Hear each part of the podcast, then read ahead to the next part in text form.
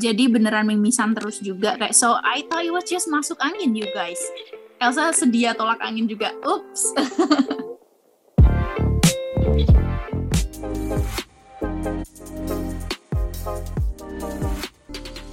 Halo teman-teman semua, balik lagi di podcast Global Guide Indonesia. Nah, kita ada di episode ke-15 nih. Nah, kita kedatangan tamu lagi nih. Dia uh, award Global Guide tahun 2021, yaitu Elsa Lutfia Chandra. Halo Elsa. Hai semuanya. Makasih banget Kak Jerry yang udah ngundang hari ini. It's such an honor for me. Thank you so much. Ya, tentu saja Elsa. Eh, tapi Elsa, BTW kamu gimana kabarnya nih di US sekarang? Alhamdulillah baik banget. Ini sekarang kita lagi spring break teman-teman. Jadi spring break itu kayak tiap ganti musim tuh mereka ada libur seminggu gitu nggak sih kak? Iya kan? Bener di setiap uh, quarternya itu ya. Nah terus sekarang ini Elsa lagi di Texas gitu. Alhamdulillah uh, ketemu lagi sama host Feb yang dulu. Wow. Dan I spent my spring break here, so I'm so blessed. Nice, keren, keren banget Elsa. Nah, Elsa kan kamu uh, baru nih di episode kali ini, mungkin kamu boleh dong sedikit ceritain uh, introduction sedikit tentang dirimu. Oke, okay. um, my name is Elsa Lutfia Chandra. You guys can call me Elsa or Chandra. It's up to you. By the way, uh, Elsa ini dari Institut Pendidikan Indonesia Garut. So, um, three hours away from Bandung. If you do not know Garut, where Garut is. Elsa majoring English Education dan sekarang di sini juga uh, di University of Wyoming, uh, departemennya College of Education. Wow, University of Wyoming, wow keren. Yeah. Nah, uh, kak kita kan ngundang kita kak Elsa kita kan ngomongin Global Yogurt nih. Mm -hmm. uh, pengen tahu kamu tahu pertama kali tentang Global Yogurt nih kapan tuh dan dan gimana sih ceritanya? Kalau kapan ini sebenarnya Elsa udah ngincer Global Yogurt ini dari tahun 2000 18 kayak berarti waktu Elsa maba. Jadi wow. kebetulan um, ada poster tentang Global U Grade dan kayak waktu mau masuk ke kelas tuh kayak Elsa set gitu melihat ke mading kayak nggak tahu it's probably meant to be like that caranya hmm. Elsa tahu Global Grade um, dan ya waktu itu Elsa masih semester 2 sementara yang di semester 1 bahkan sementara oh, okay. untuk daftar program U Grade ini kan uh, minimal udah harus punya IPK dan transkrip ya kak ya. Yap. Berarti Saat harus belum. Uh -huh. Berarti harus harus satu tahun dulu jalani iya, kuliah. harus satu tahun dulu biar punya IPK. Jadi waktu itu Elsa kayak oke okay, pokoknya harus daftar ini karena kayak emang menarik banget dan tertarik banget buat daftar. Itu awal mula Elsa tahu Global Grad. Wow, Oke, nah kan kamu udah tahu dan kamu tertarik uh, dengan program Global Grad. Nah, mm-hmm. mendaftar program Global Grad ini juga ada dokumen yang harus disubmit kan ya? Betul. Uh, nah, salah satunya itu ada esai, bahkan ada dua esai yang harus disubmit. Iya, betul banget. Untuk kasusmu, Elsa, kamu um, gimana sih perjalanannya menulis esai tadi? Uh. Apakah kamu kesulitan? Apa kamu harus nyari mentor buat uh, bantuin nulis atau gimana? Oke, okay. jadi untuk nulis esainya um, kan tadi Elsa bilang tahu per, tahu pertama kali itu tahun 2018 ya kak. Nah hmm. tapi Elsa baru coba pertama kali daftar itu tahun 2020. Unfortunately, Elsa waktu itu nggak menyelesaikan aplikasi Elsa but I get to read the essays kayak aplikasi uh, essaynya itu kan ada di online application ya jadi kayak kita bisa bikin akun doang dan uh, run through semuanya gitu jadi Elsa waktu itu udah baca-baca juga tentang apa sih yang harus ditulis di aplikasi gitu. And yep. then the next following year I have the gut to actually wait for it work for it and eventually apply. Jadi oh. um, ya pembukaan pendaftarannya tuh dibuka awal Januari kan ya kak ya? Tahun ya, 2021 tapi ya. Elsa udah nyiapin karena Elsa udah punya akun jadi Elsa bisa apa aja yang Elsa butuhin Elsa nyiapinnya dari September okay. gitu TOEFL dan lain-lain dari September terus uh, waktu nulis essay so I work run through and renew my ID di online application itu dari Desember bahkan awal Januari. Ah oke. Okay. Terus tapi nulis isainya uh, dari Februari. Jadi kayak ketunda-tunda mulu biasalah. Uh. So, ada aja kan yang dikerjain terus kayak kita lupa terus ntar lah deadline-nya masih lama gitu kan.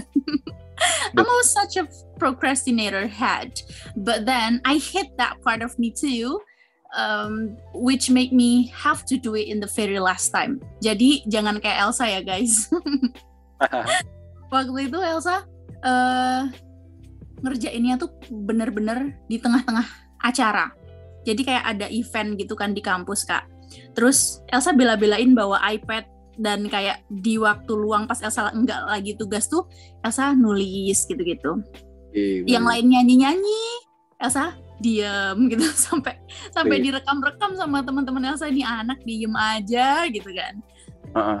Tapi dengan kayak gitu, alhamdulillah Elsa bisa selesai dan kayak akhirnya submit and I'm pretty um I'm pretty thankful to myself to work on it harder and actually finish it karena emang prinsip Elsa tuh kayak ayolah masa nggak selesai lagi kayak finish what you have started gitu. Yap yap yap. Dan akhirnya bisa terselesaikan dan dan dengan jarak itu uh, gimana? Apakah ada revisi yang banyak? Oh, oke. Okay. Jadi ada dua isi kan kak. Isi yang pertama yang tentang um, apa kamu kenapa kamu daftar Ugrade dan lain-lain itu Elsa waktu itu minta proofread ke dosen Elsa sih dan kayak dikasih masukan juga ini harusnya gini ini akan lebih baik kalau gini dan Elsa revisi itu sekali tapi isai kedua yang tentang kepemimpinan yang mhm. value kita sendiri nah itu tuh yang Elsa kerjain di tengah-tengah event oh I see. Ngerti. Dan kalau yang keduanya kamu ada balik juga revisinya ke dosen yang sama? Yang kedua karena itu benar-benar mepet waktunya kayak malam harus Elsa uh, apa namanya harus Elsa submit. Jadi ya mau nggak mau that's all the best that I can do. Oke. Okay. right di submit ya oke okay. nah itu itu satu um, persyaratannya ya kan dari dari banyak mm -hmm. tadi kamu tadi kamu juga udah mention mengenai persiapan untuk TOEFL nah di program Global Yogurt ini um, saat mendaftar diperlukan TOEFL bernilai 500 uh, ITP, ITP Diction. Mm-hmm.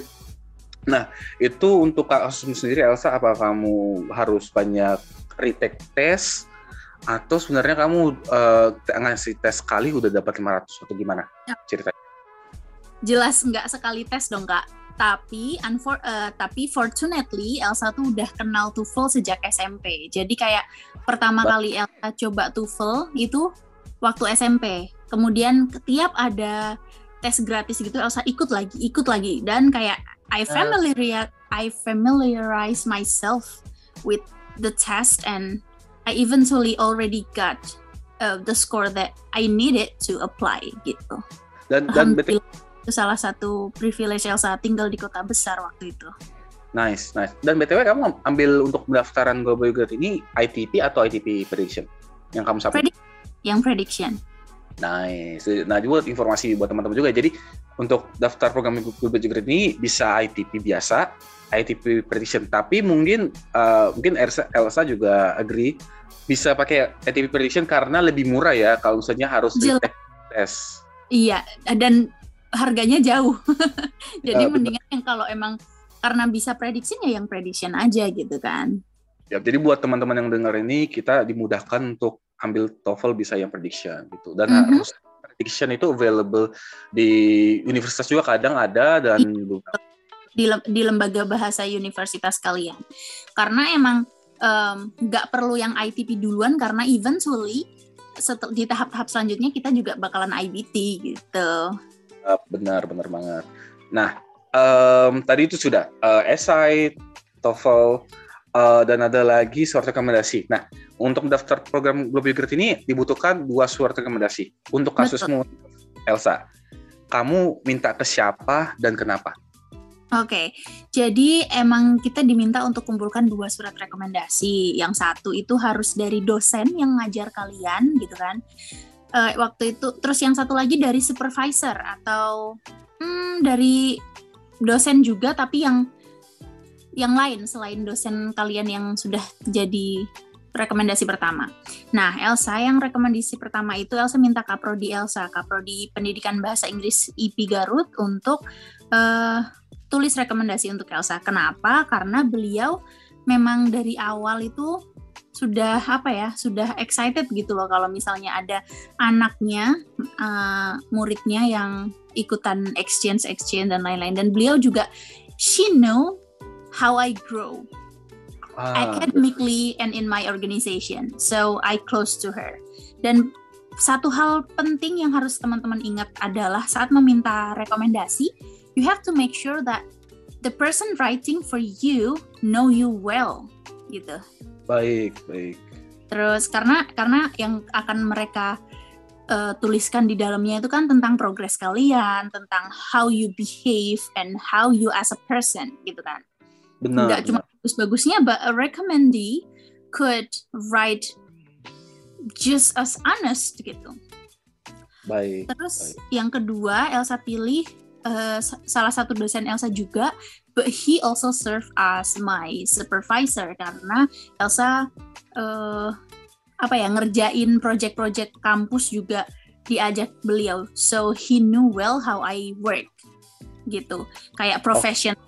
jadi yang satu Elsa pilih dosen yang ngajar Elsa di kelas juga yang tahu Elsa satunya lagi dosen juga tapi uh, know my work in professional term gitu Ah, benar benar benar. Wah. Wah, benar. Bagus banget tuh. Itu tips yang bagus juga dari Kak Elsa. Jadi kalau misalnya teman-teman mau minta suatu rekomendasi, at least setidaknya orang yang kalian minta itu tahu kalian ya. Benar. Tahu tahu kitanya gitu. Karena yang ditulis itu kan tentang kitanya juga ya. Iya, benar. Kan? Jangan gitu. jangan ngandelin uh, jabatan apa, itu. Jabatan doang bener banget. Oh, dia ah. rektor oh beliau ini ini ini gitu. No, kalau mereka nggak tahu kalian ya what would they write about you gitu? what would yeah. help? Isinya jadi nggak eh, nggak uh, pas ke untuk menggambarkan kitanya gitu ya. Benar. Gitu kan? Baik. Tadi itu um, berkas-berkas yang sudah dikumpulkan, dikumpulkan, ada di submit, diupload ke online submission. Nah, mm -hmm. kita udah submit nih sebelum tahu hasilnya uh, kak, kak, untuk Elsa sendiri gimana?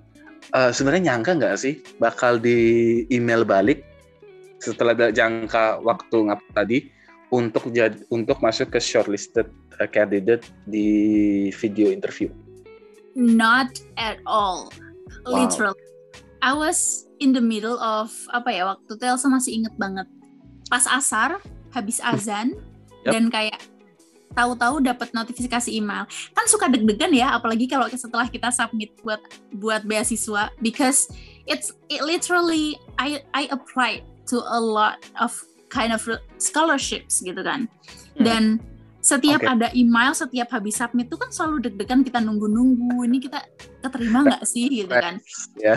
and I already passed all of the unqualified ones yang bilang bahwa we regret to tell you this, we regret we regret that you cannot we cannot admit you this gitu kan. Uh, uh, uh, Tapi kayak Elsa tuh malah mikirnya ya Allah apakah ini penolakan lagi gitu kan. Kayak beneran itu gitu loh kayak I really prepare myself for the worst. Jadi waktu lihat di notifikasi yang um, virtual interview aja tuh kayak udah did I made it? gitu. Kayak hmm. I I cannot. It's indescribable. Asli asli asli. Dan uh, di situ langsung ini ya di judulnya ya langsung invitation untuk join. Right. uh, virtual interview dan dan dan dan pada saat itu apa kamu langsung hubungin uh, siapa gitu ke, ke dosen yang memberikan rekomendasi atau atau kamu harus butuh waktu untuk memproses apakah ini benar gitu. First off, I I have to read like everything in the email and kayak nampar-nampar diri sendiri ini beneran apakah ini beneran nggak sih? Gitu kan kayak is it real? Gitu kan kayak I have to in I have to make sure that I'm completely conscious to receive that email. Tapi yang pertama kali Elsa kasih tahu pasti mama Elsa sih mama terus kayak dosen-dosen. Ya share the happiness around obviously. Wow oke okay, oke. Okay. nice. Nah um, um, berarti uh, setelah upload dipanggil buat um, interview solicited candidate. Nah, mm-hmm. kita ada ada tahapan baru lagi nih, tantangan baru kan. Walaupun ini kabar baik, tapi ini tantangan lagi, yaitu benar, benar banget, virtual benar. interview. Nah, yeah. kamu gimana mempersiapin virtual interview? Ini interviewnya bahasa Inggris loh, full. Ini gimana? Bener. Um, as expected, Elsa deg-degan banget, beneran kayak nggak tenang seminggu nunggu nunggu interview tuh kayak wah I have something big coming in gitu kan. Terus yep, Elsa yep. mulai mulai reach out, mulai buka-buka YouTube tentang um, webinar tentang interview you grad both di yang dari award di Indonesia ataupun luar terus kayak Elsa reach out waktu itu ke Kak Yona ke Kak hmm. Christine gitu terus ke Kak Kak siapa ya aduh saya lupa lagi kak yang cowok. Seangkatan sama kak Yona. Aduh maaf nih kak lupa namanya but I credit shout out to you. Thank you. Oh kak Fadil kak Fadil. Oh Fadil ya. Fadil ya, Adiat. Iya kak Fadil Adiat. He, they help me a lot. Mulai dari Elsa recokin sampai malam tanya-tanya gitu kan. Terus waktu itu juga Kak Yona lagi susah dihubungi karena waktu itu sempat ada bencana alam kan Benar. But but she was really kind to still answering to my questions. So thank you so much Kak Yona. Shout out to you. asli, asli. Terus Kak nah. Christine waktu itu nyempetin uh, buat Zoom sama Elsa juga tentang uh, waktu itu kan disuruh bikin bio sketch, suruh bikin introduction 3 menit gitu-gitu. She helped me a lot too. So, thank you. You guys alumni um, you have special space in my heart. Uh, oh so sweet. Oke. Okay. nah um, prosesnya itu kamu siapin dalam waktu seminggu nih ya kalau nggak salah uh, dari email. Dan dan uh, gini pada saat hari H uh, dan saat uh, proses interview itu berlangsung gimana? Apakah persiapan ini yang kamu udah siapin ini sesuai dengan ekspektasi yang di di, di, di pada saat interviewnya. Oke, okay. jadi um, especially uh, the night before the interview, I play interview with my close friends. Jadi Elsa udah ngumpulin, Elsa nyari-nyari questions yang expected question yang bakal ditanyain kira-kira di interview itu kayak apa gitu-gitu kan kak. Terus Elsa list, bikin list panjang tuh. Elsa minta teman Elsa buat nanyain Elsa dan kayak help me to construct the words at least, right?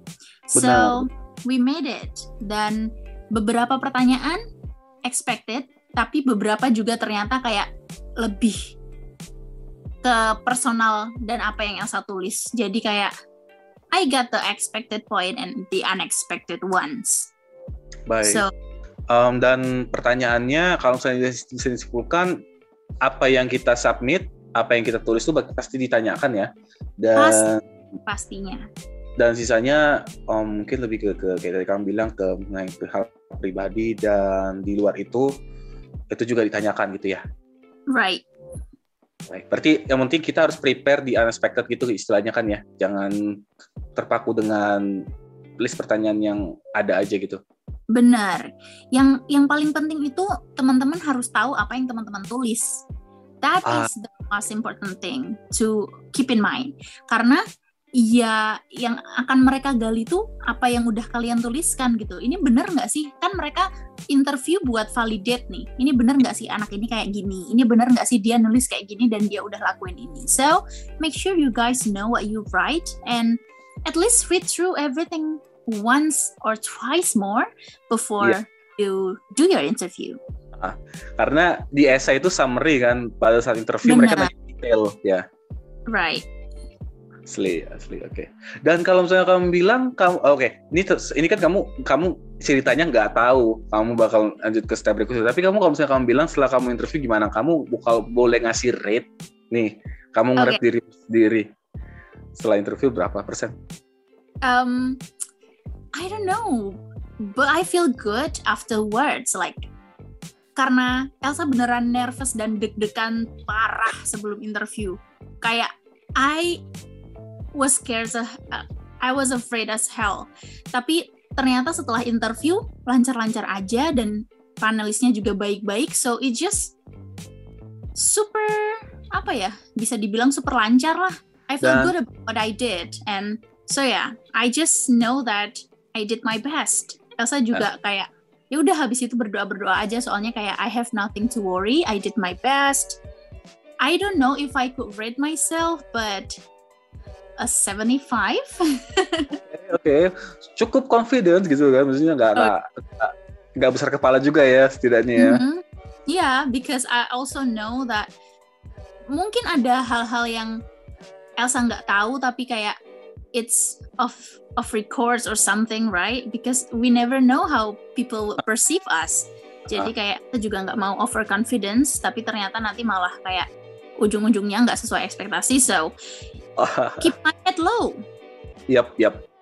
Ada hal yang kamu regret gitu? Siapa tuh kayak, siapa tuh kayak ada, aduh, aku harusnya nggak ngomong ini pas interview. Ada nggak kayak gitu? Ada, ada banget, ada. Jadi waktu di interview terakhir itu kan kayak lebih ke deep interview karena lebih menggali diri kita gitu kan. Uh, okay. Nah waktu uh, ada satu poin yang Elsa rasa ini panelisnya tuh kesel nih sama Elsa karena Elsa nggak jawabnya langsung. Elsa muter-muter dulu gitu because I happened to make him ask me twice to reassure that oh, kayak yeah. kayak jadi kayak harusnya tuh Elsa bisa jawab pendek tapi Elsa ngalor ngidul dulu jelasin yeah, yang lain-lain yeah, and it unsatisfied him. So kayak Elsa ngerasa oh, I shouldn't have not done that gitu. Kayak I should have just answer briefly gitu gitu. Oke oke.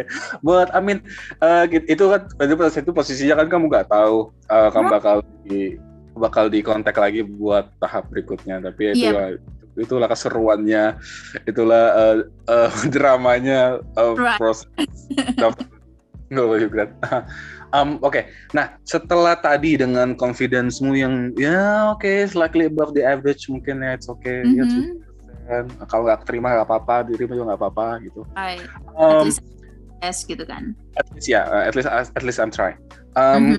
mm -hmm. Terus uh, ada ada selang waktu dan itu ada pengumuman pengumumannya gitu kan ya. Nah itu mm -hmm. itu mm-hmm. gimana? Kamu masih kamu masih confidence nih? atau maksudnya gini kamu break, kamu udah kamu apakah tiap hari scroll scroll refresh refresh refresh atau gimana atau atau, atau jalan jalan aja pasti deh kak itu udah pasti banget deh kalau lagi nunggu pengumuman tuh udah pasti kita kayak refresh email cek email tiap pagi atau bahkan sehari tiga kali kayak minum obat gitu kan. Soalnya takut banget kayak TBL besti kalau kata Gerard. Takut banget. Maaf ya Gerard kalau dengerin ini. Jadi kayak takut masuk spam atau kita dapat uh. infonya telat gitu kan. Kayak Iya penasaran aja. Soalnya waktu itu juga udah ada grup sama anak-anak lain. Masih beberapa orang doang waktu itu masih lima orangan uh, out of 12 yang ternyata ada 12 finalis kan.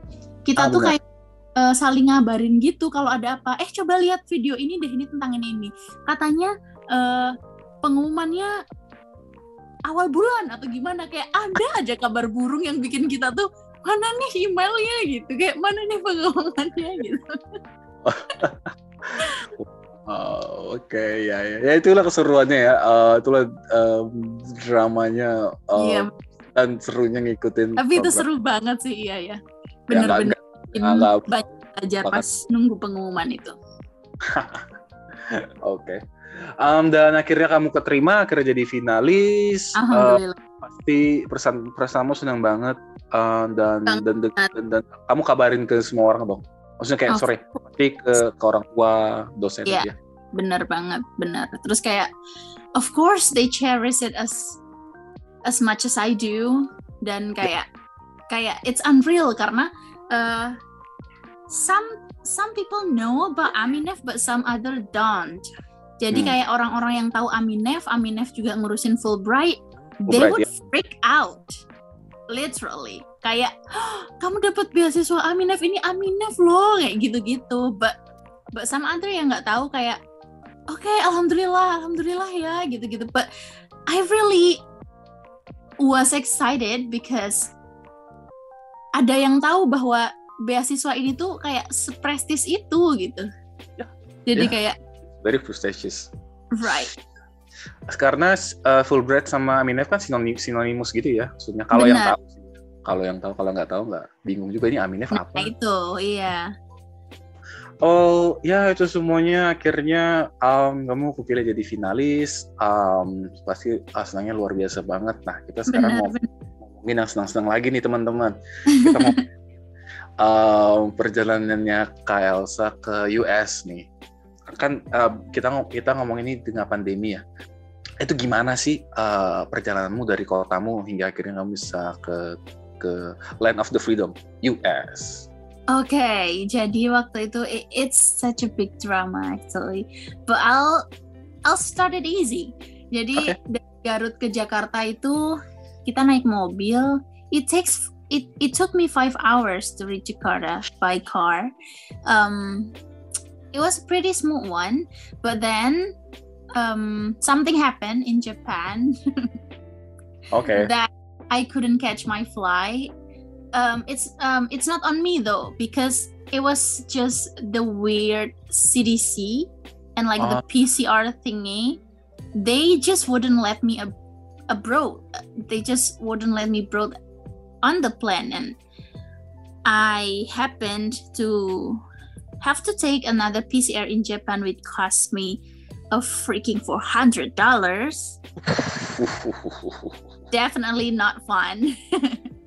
but then um so i pretty much stayed there for like um two days before uh-huh. my flight um i got yeah it was quite fun because i got to explore the airport but it was not so fun for the cold and everything okay so um after i got my new flight and they renew it word learning renew it for me um I eventually got to University of Wyoming baik, at baik. like 10 p.m. Waktu itu lagi salju habis saljuan, jadi kayak dingin banget. Okay. Um, udah kerasa-kerasa dingin di Jepang tuh udah kerasa dingin teman-teman. Cuma pas sampai di Denver itu udah dingin lagi gitu kan. Di LA nggak dingin sama sekali. Tapi kayak di Denver, oh ini udah butuh jaket nih. Terus udah pas di Laramie tambah dingin lagi minus 10 waktu itu. Jadi wow. kayak I'm pretty shook. Like what in the world is like this situation because I'm not used to the cold. But I was also so happy to eventually see snow. Yeah, like, yeah, yeah. The first one in my in my life. So Benar. jadi begitulah cerita singkatnya sampai dari Garut sampai ke US teman-teman. Dan uh, tadi kan bilang jam 10, uh, 10 malam ya, 10 PM. Mm -hmm. um, masih di ini di uh, welcome sama kampusnya atau apa harus nginap dulu atau atau masih okay. mereka masih Thankfully waktu itu udah ada uh, staff internasional office yang jemput Elsa di bandara and it oh. wasn't took us so long from the local airport airport to our dorm to my dorm dan waktu itu udah ada roommate Elsa juga jadi kayak um, she helped me with like the explanation around the building and she is really nice up until now we bond well dan kayak ya alhamdulillah juga soalnya teman-teman new grad yang lain tuh ada yang harus nginep dulu karena badai salju dan lain-lain gitu kan. Oh, iya, iya, Tapi iya, waktu iya. itu Elsa udah lancar-lancar aja. Wah, syukur banget ya. Nah, uh, sudah settle in set, uh, di dorm apa kamu perlu karantina? Kayak 14 days gitu atau kagak perlu? Oh talking about quarantine I wasn't asked ah. to current um buat karantina dulu enggak. Cuma after a week I got COVID. Oh wow okay. Omicron one so I'm a I'm an Omicron alumni so jadi di Indonesia tuh kayaknya Elsa nggak nggak pernah kayak tested positive gitu. Cuma dan kayak tiga hari sebelumnya tuh Elsa juga um, jadi random sampling di kampus yang harus speed test gitu kan. Cuma kayak Elsa masih negatif. Tapi kayak nggak tahu dari mana exposure-nya. Elsa tahu-tahu demam dua hari gitu kayak I, Elsa awalnya nggak I didn't take it seriously because I thought it was just masuk angin you know anak uh. kampung ketemu salju pasti kan yeah. dingin dan kayak um, yeah. oh trust me I bleed my nose for a whole week karena sangat apa ya kering banget udaranya bikin hidung kering dan kayak sakit gitu kan kak kalau nafas kalau salju-salju gitu jadi beneran mimisan terus juga kayak so I thought it was just masuk angin you guys Elsa sedia tolak angin juga. Ups. Jadi kayak um, nggak usah ke dokter aja gitu kan. Tapi kok ini nggak turun-turun. Akhirnya waktu itu periksa dan kayak dikasih harus um, PCR oke. Okay. dan ternyata positif dan harus lima hari karantina di another dorm. Oh di dorm. Oke. Okay.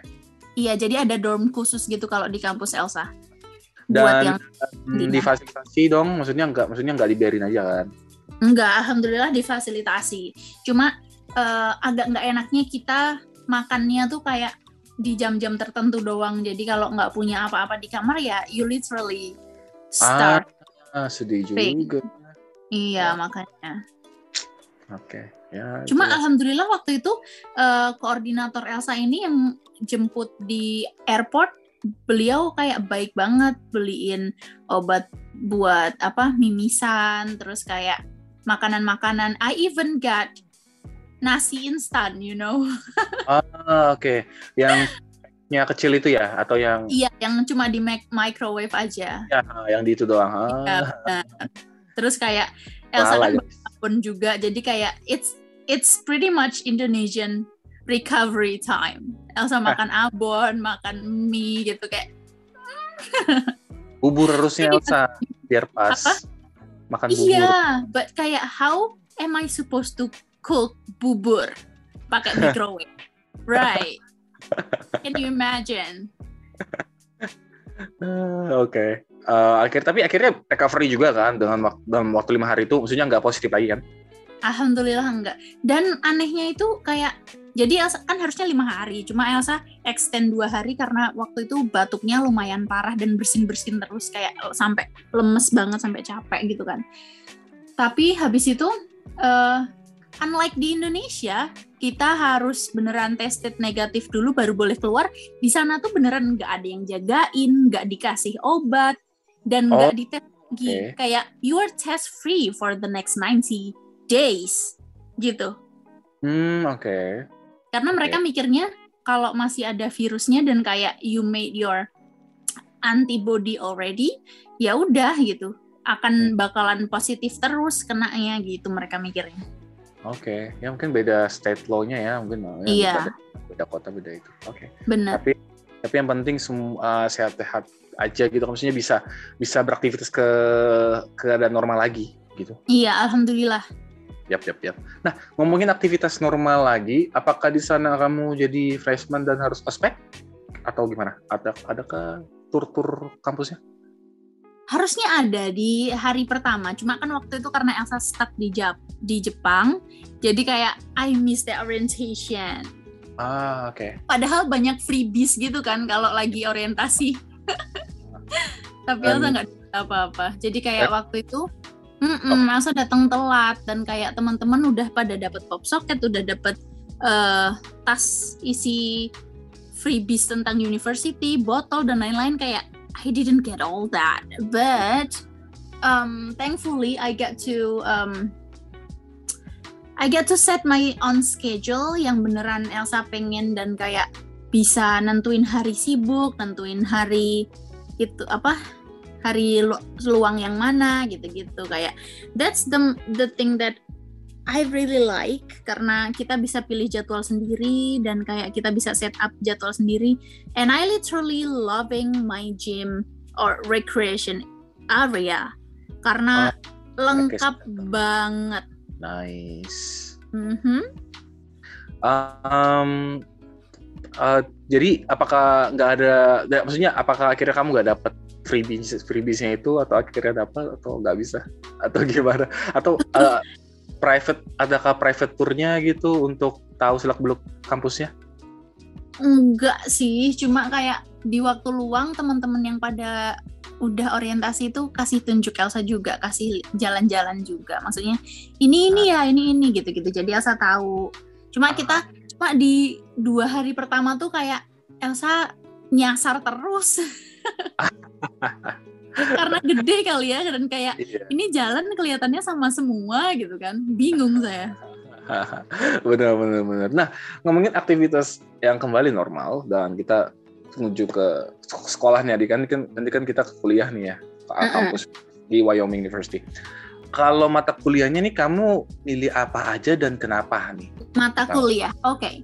so teman-teman karena kita ini disponsori oleh US Department of State, of course kita harus take satu American Study.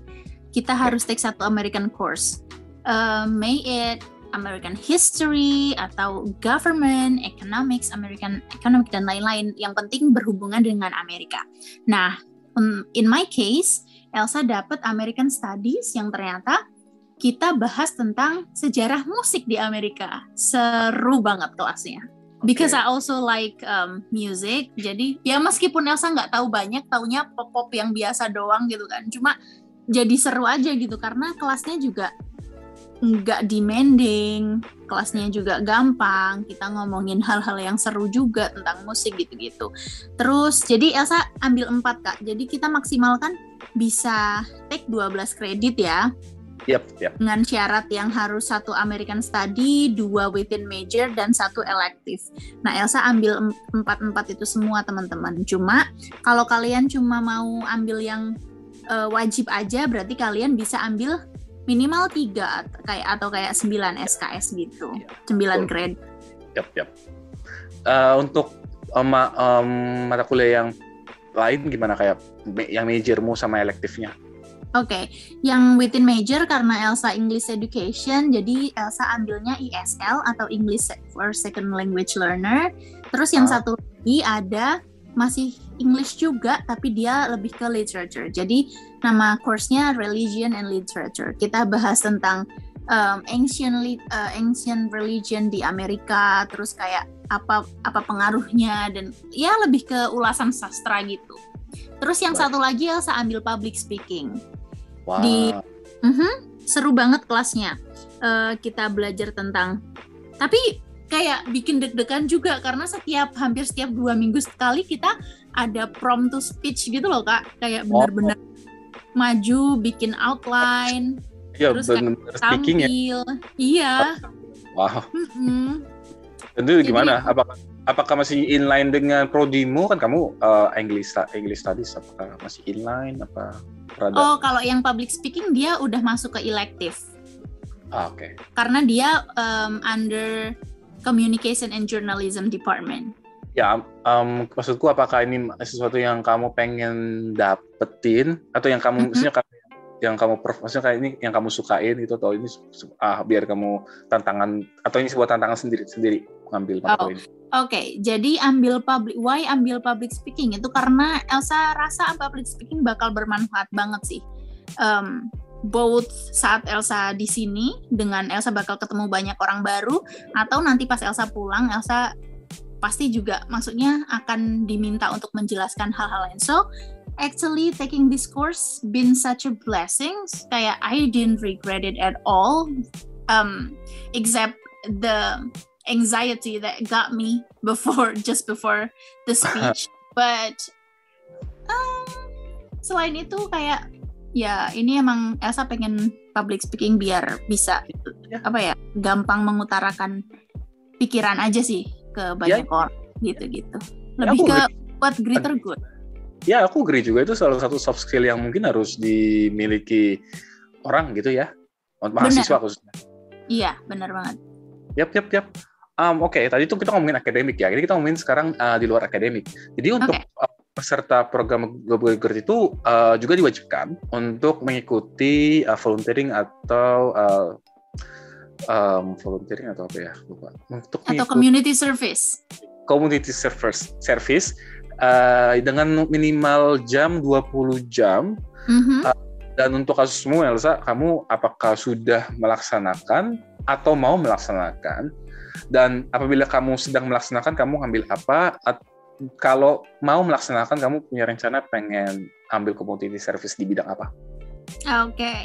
so tentang volunteering, betul kata Kak Jerry, kita harus um, volunteernya minimal 20 jam throughout the semester ya Kak, throughout yep. the semester. Jadi untuk ini Elsa sebenarnya baru set up tuh sebelum kayak sebelum spring break, benar-benar sebelum spring break. Jadi dua bulan ini Elsa hampir nganggur teman-teman. But jadi memang di Elsa, I believe di tiap kampus atau kayak community surround dia tuh emang ada volunteer based community gitu teman-teman di kasus Elsa uh, Elsa dapat info ini dari website kampus dan memang banyak tawaran juga kayak email kampus tuh isinya banyak tentang volunteer juga kalau kita mau uh, volunteer atau kayak kalau departemen lain lagi butuh volunteer gitu-gitu bakal ada pemberitahuannya. Nah, yang udah Elsa lakuin kemarin tuh sebelum spring break ini, Elsa jadi juror. Juror itu kayak di law school. Juror itu kayak apa ya? Saksi gitu loh, Kak. Bukan saksi, tapi kayak yang apa sih Kak? Elsa bukan anak uh, hukum jadinya nggak tahu termnya dalam bahasa Indonesia.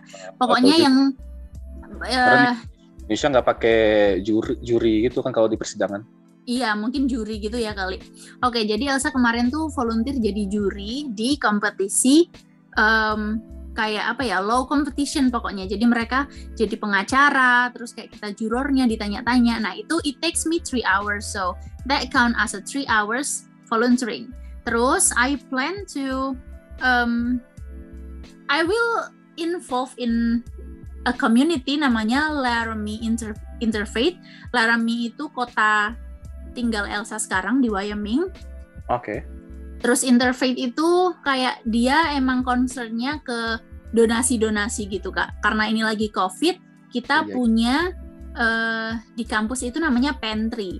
Jadi pantry itu tempat uh, kayak apa ya, kayak warung tapi kita bisa ngambil ngambil apa pun secara gratis gitu loh teman-teman. Odol, oh. hmm, telur, tepung, bahan-bahan masak, bahan-bahan toiletries gitu-gitu kita itu bisa bukan ambil siapa ke mahasiswanya atau ke orang son, orang sekitar atau gimana? Semua, both oh.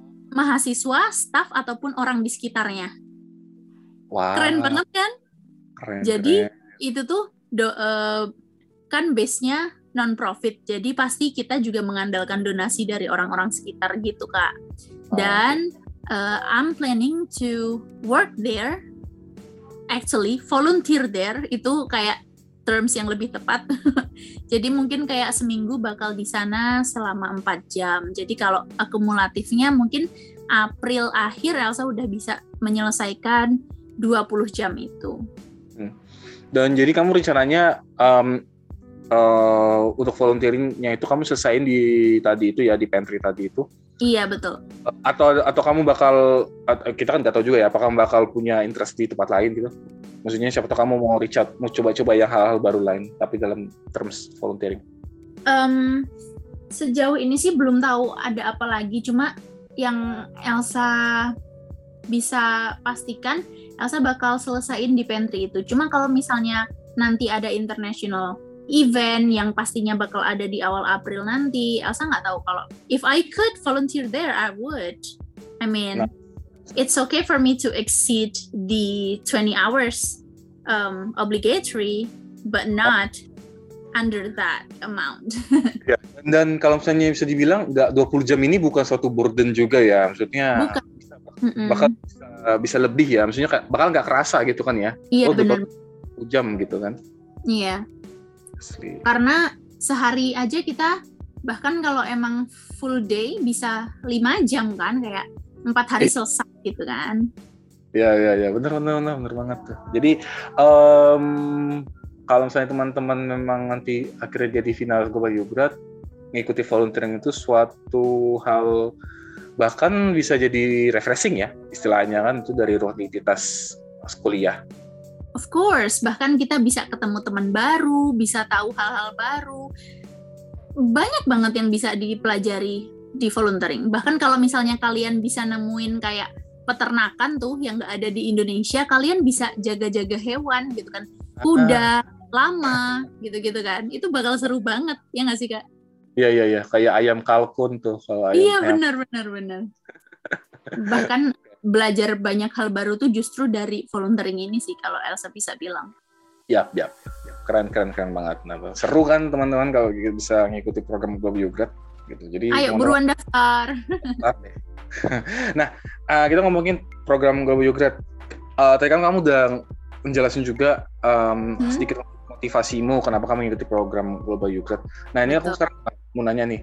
Uh, apa sih yang kamu harapin secara pribadi setelah kamu melaksanakan program Global Yogurt kembalinya ke Indonesia? Secara pribadi nih, kamu pengen, pengen apa sih harapanmu yang kamu dapetin?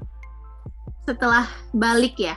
Iya um, pastinya Elsa pengen special especially teman-teman Elsa di Garut ya maksudnya Garut itu kan kota kecil kayak I understand I'm aware of the fact that people there somewhat afraid of trying new things. So I hope that my experience here will um motivate them to actually want to try new things. And it is possible even buat anak desa kayak kita buat go abroad itu kayak peluangnya sama sama besarnya dengan anak-anak di kota besar gitu loh Asli. itu sih yang Elsa apa ya sebarluaskan.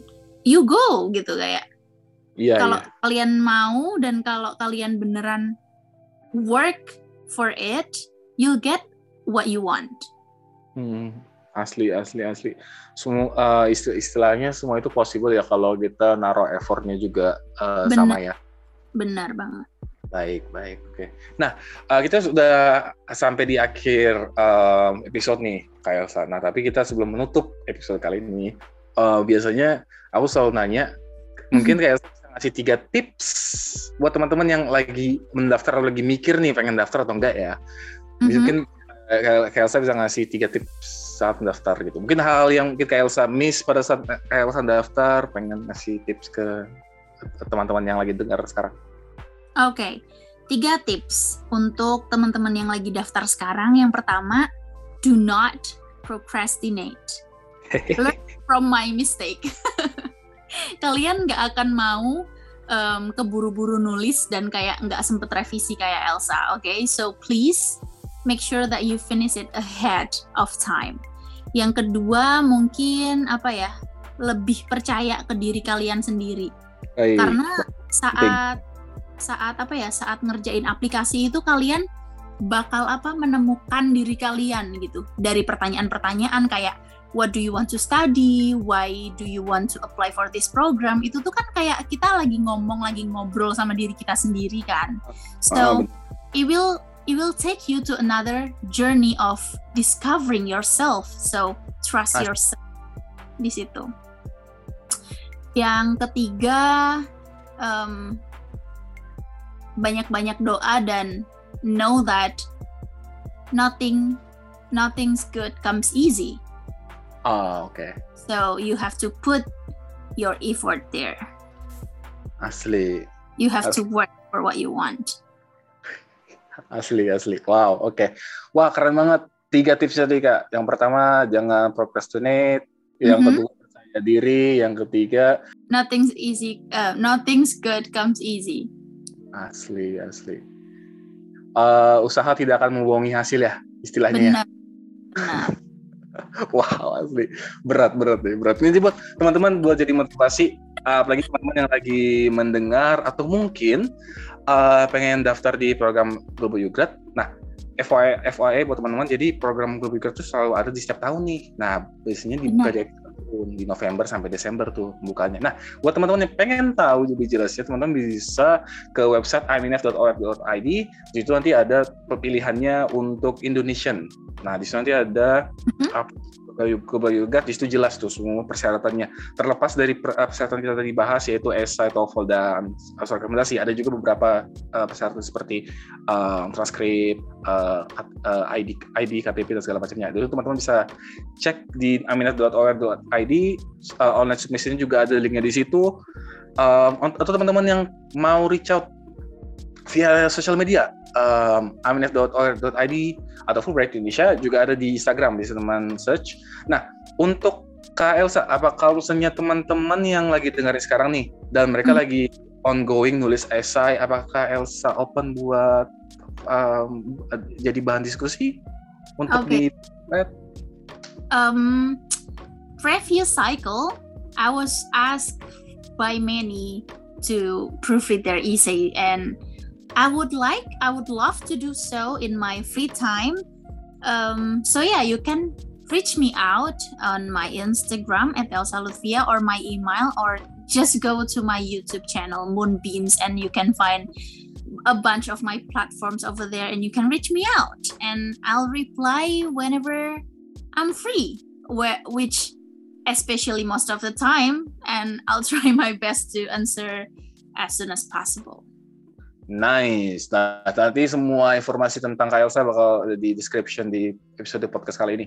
Uh, jadi, oh ya, jangan lupa, dan juga buat teman-teman jangan lupa selalu follow podcast ini uh, karena kita bakal banyak banget uh, uh, granti-granti yang lain karena kalau nggak salah sekitar Tentunya. 12. Iya, tahun ini 12. 12. Jadi sebanyak-banyaknya dari kami ya teman-teman buat kebermanfaatan kalian juga. Yap, yap gitu. Um, mungkin itu aja dan itu itu itu tadi mengakhiri episode kali ini. Thank you Elsa yang udah datang nyempatin waktunya untuk uh, menjadi narasumber di episode kali ini. Uh, thank you teman-teman yang udah mau dengerin. Uh, jangan lupa stay tune. Uh, see you guys next episode. Uh, bye. Bye semuanya. Terima kasih banget. Ya, good luck semua teman-teman.